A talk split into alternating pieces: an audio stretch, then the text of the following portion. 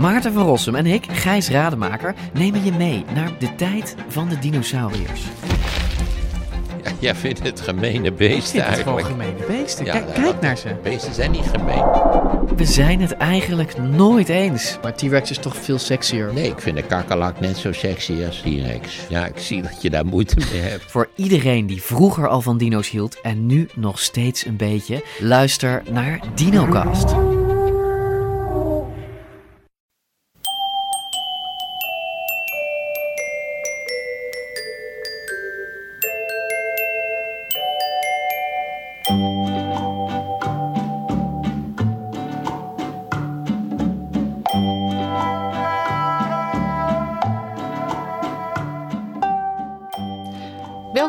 Aflevering 86 van de Echt Gebeurd podcast. Bij Echt Gebeurd worden waargebeurde verhalen verteld door mensen die het zelf hebben meegemaakt. Deze week is dat het verhaal van Elma Draaier. Het thema van de middag was broers en zussen.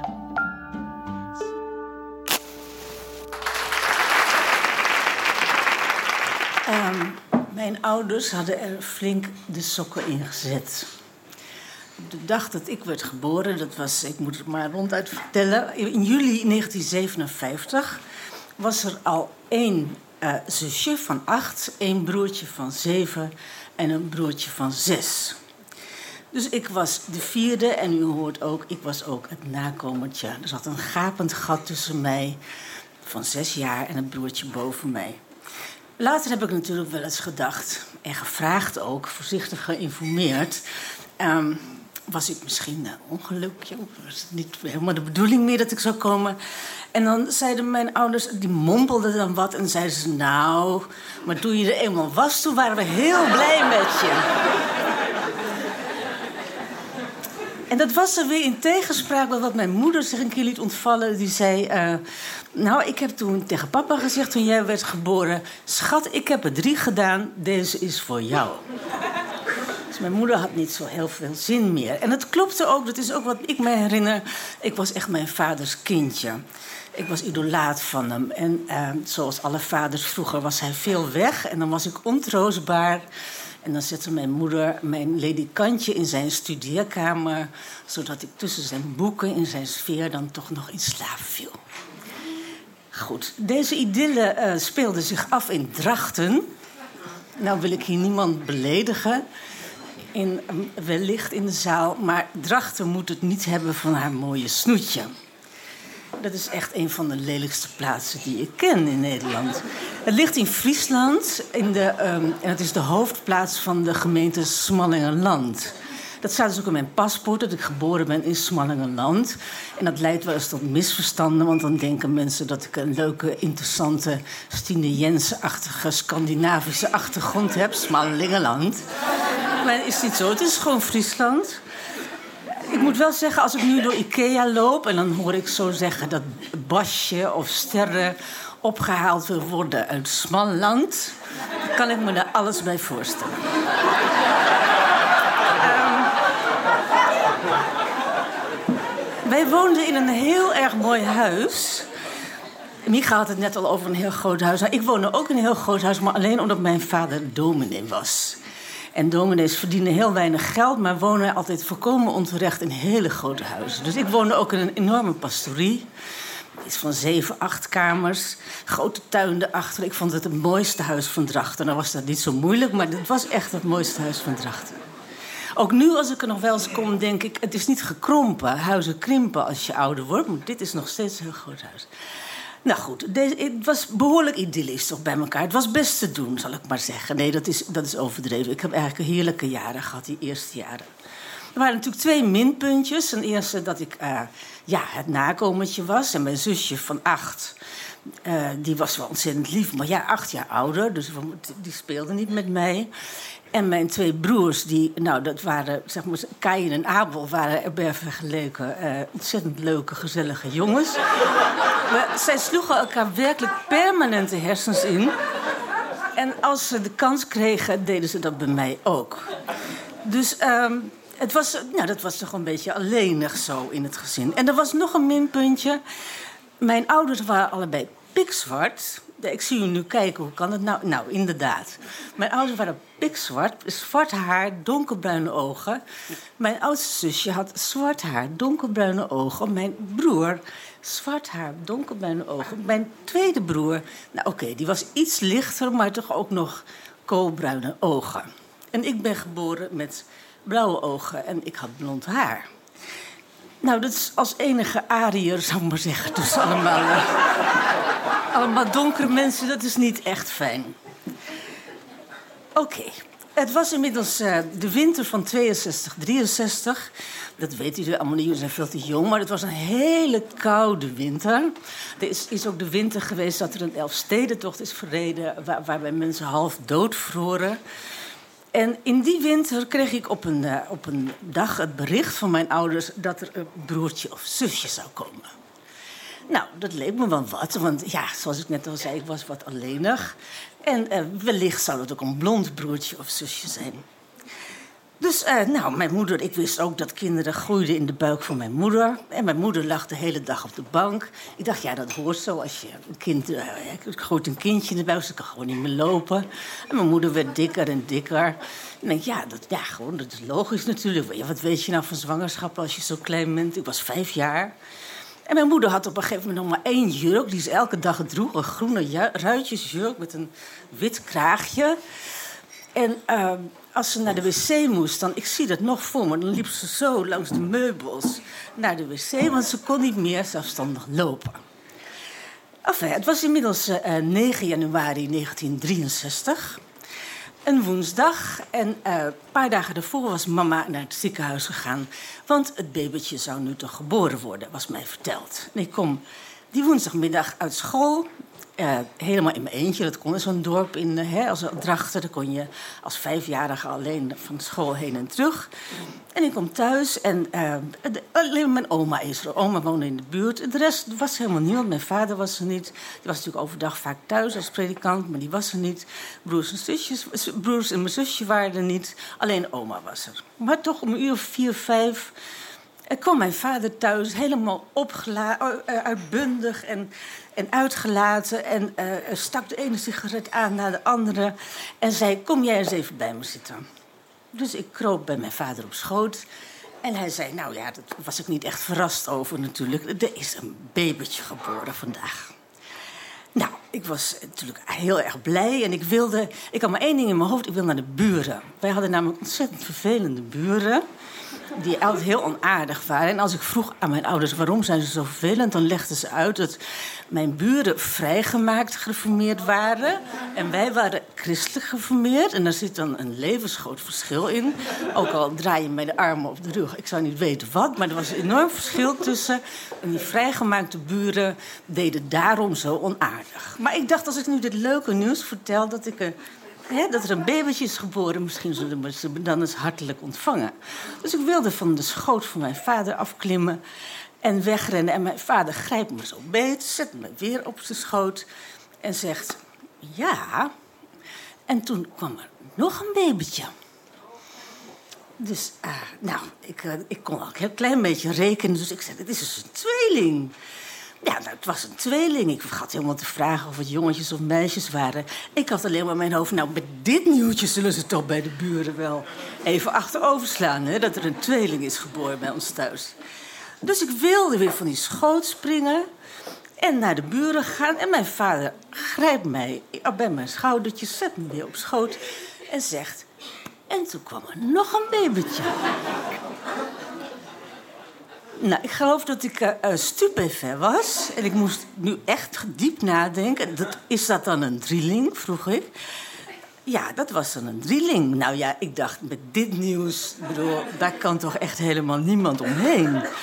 Dus ik sprong weer van schoot. Ik heb nog even gewacht, komt er nu nog een kind? Nee, het was niet zo. Het bleef bij deze drie. Dus ik rende naar de buren op mijn kleine beentjes en ik belde aan bij de buren. De buurman deed open, een beetje verstoord en keek zo naar beneden. En ik vertel, we hebben een drieling gekregen. En de buurman kijkt op mij neer en zegt, jij jokt. Ik jok niet, het is echt waar, we hebben een drieling gekregen. Mm kan niet, niet mogelijk. Um, Ik ben afgedropen naar huis, tranen in mijn ogen dat ik niet werd geloofd. Maar ik denk zo dat de buurman wel vrij snel heeft gehoord. Ik weet niet precies hoe het afgelopen is, dat ik dus niet had gelogen. Uh, het stond namelijk zelfs in de krant. Een drieling is nu iets van, meestal het resultaat van wat genetisch geknutsel. Maar uh, dat is, was toen zeker niet het geval. Het was gewoon een toevalstreffer. Mijn moeder was 36, raakte weer per ongeluk zwanger. Maar er bleek toen nogal dik te worden in de vierde maand. Nou, om een lang verhaal kort te maken, ze had uh, uh, even kijken, bij elkaar 16 pond aan baby in zich. Namelijk twee baby's van 5,5 pond en één van 5 pond. Dus vandaar dat ze ook niet meer zo heel makkelijk liep. Ik heb later één baby van 5,5 pond gedragen. Die zit nu daar. En uh, ik, ik vond mijzelf toen echt al een soort kamerolifant. Maar dus, dus mijn moeder moest geweldig zijn geweest. Enorm zijn geweest. En achteraf nog meer bewondering voor haar hoe ze dat heeft gedaan. Het was natuurlijk ontzettend ingrijpend, zo'n drieling. En uh, niet uh, voor het hele gezin, voor alle leden van het gezin. Het hakte er ontzettend in. Het was natuurlijk ook voor mij ingrijpend, want ik was ineens van het nakomertje... was ik in één klap de middelste. Uh, nu had ik dus een, twee broers boven me en een zus. En, en twee broers en een zus onder me. En ja, ik, dat zoiets grijpt diep in. En dan wil ik niet, niet overdrijven, want er zijn natuurlijk geen slachtoffers, omdat er geen daders zijn. Zo zulke dingen gebeuren natuurlijk. Je moet er gewoon mee leren leven dat het zo is. En um, ondertussen had ik nog steeds. Deze dingen heb ik allemaal pas later bedacht. Hè, maar ondertussen had ik nog steeds die drilling niet gezien. En mijn belangrijkste vraag was: ja, zit daar nu een blonde bij? Want ik had nu toch drie kansen op een blond broertje of zusje. En op een dag, eh, een paar dagen na de geboorte, mocht ik dan eindelijk mee naar de protestantse kraamkliniek. Want in die tijd werd er dan ook nog protestants of katholiek bevallen. En mijn moeder lag in de protestantse kraamkliniek.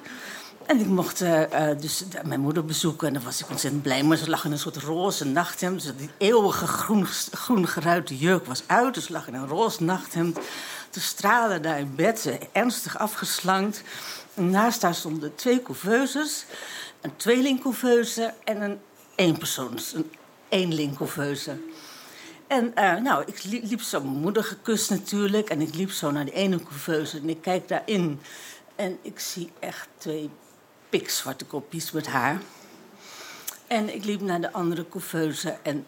Nou, oké, niet zo zwart, maar je zag al... Ik zag gewoon, dit wordt nooit wat.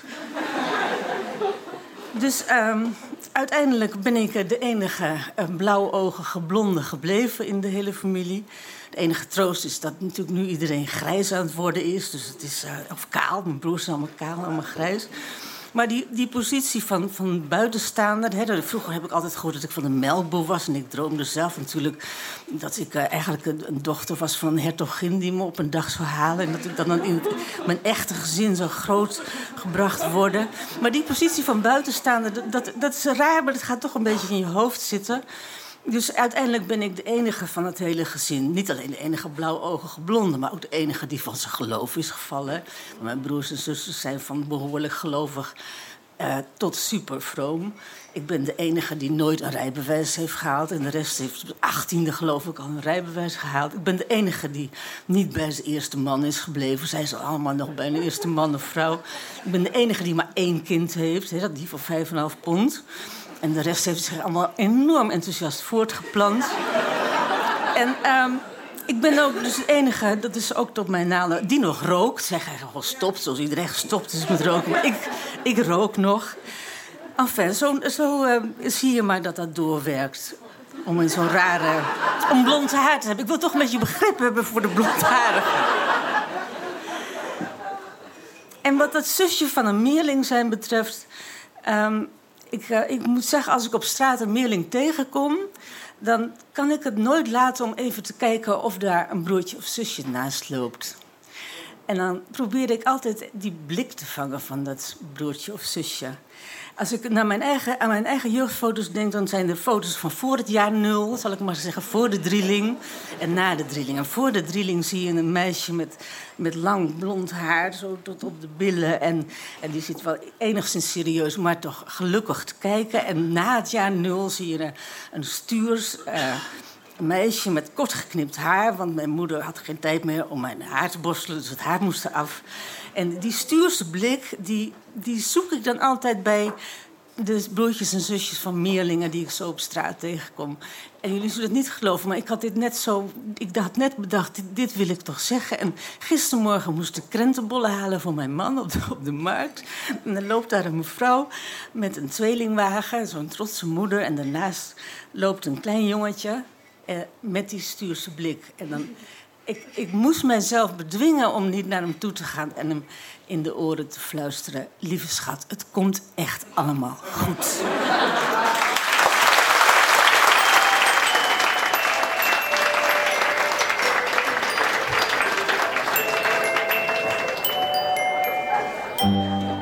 Dat was Elma Draaier. Elma vertelt vaker een verhaal bij ons. Dat ze columns kan schrijven, onder andere voor Vrij Nederland, weten jullie dus. Maar ze is ook op Twitter te vinden als Elma Draaier. Echt Gebeurd wordt elke derde zondag van de maand opgenomen in Toemler onder het Hilton in Amsterdam. Heb je zelf een bijzonder verhaal te vertellen of wil je er gewoon een keer bij zijn? Ga dan naar www.echtgebeurd.net. Daar kun je je ook inschrijven voor onze nieuwsbrief. Echt Gebeurd komt tot stand met steun van het Stimuleringsfonds, Comedy Train en onze redactie. En die bestaat uit Pauline Cornelissen, Micha Wertheim, Rosa van Toledo en mijzelf, Eva Maria Staal. De techniek is in handen van Nicolaas Vrijman. Maar ook u kunt ons helpen door zelf een verhaal te vertellen of door iemand te tippen die goed kan vertellen. Geef ons een goede waardering op iTunes, like ons op Facebook of volg ons op Twitter of op woord.nl. Dat hebben we allemaal echt hard nodig, want hoe meer mensen van ons weten, hoe meer mooie verhalen er bij ons verteld kunnen worden. De volgende aflevering van Echt Gebeurd is op 15 januari, gaat over de liefde en heeft als thema aan en uit. Bedankt voor het luisteren en vergeet niet, zelfs het kort geknipte haar groeit uiteindelijk wel weer aan.